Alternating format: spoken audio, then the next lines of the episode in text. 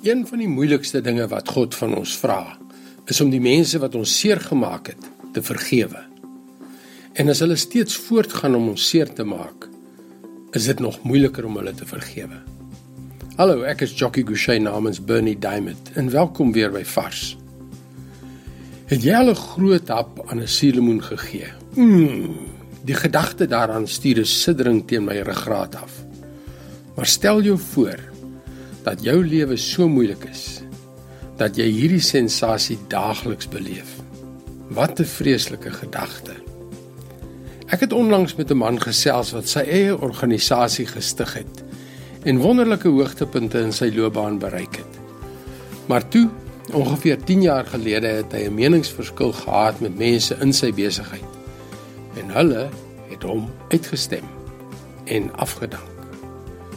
Dit moes baie moeilik gewees het, maar 10 jaar later kon ek nog steeds die bitterheid in sy stem hoor. 'n Wonderlike man, maar dit was asof hy die kanker van onvergewensgesindheid in sy siel gehad het. Vergifnis was en bly 'n groot saak vir God. Dit is die rede waarom Jesus na die kruis gegaan het, sodat ons vergewe kan word as ons net glo dat hy dit vir ons gedoen het. In Kolossense 3 vers 13 lees ons: Wees geduldig met mekaar en vergewe mekaar as die een iets teen die ander het. Soos die Here julle vergewe het, moet julle mekaar ook vergewe. Miskien is dit onnodig om te vra, maar glo jy dat vergifnis die kanker in ons siele kan genees? Wie is daar vandag teenoor wie jy 'n gevoel van onvergewensgesindheid het? Dink mooi sien die persoon se gesig in jou geestesoog. Hoeveel van jou negatiewe gedagtes en jou emosionele energie gebruik jy om aan die verkeerde dinge wat hy aan jou gedoen het te dink? Watter invloed het dit op jou emosionele welstand en jou lewenskwaliteit? Vergewe mekaar as die een iets teen die ander het.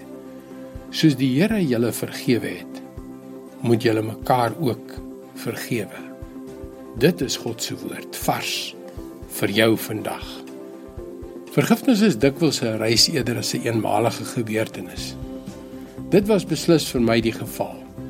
Op die ou end was die krag om te vergewe iets wat God deur sy woord in my hart ingespreek het.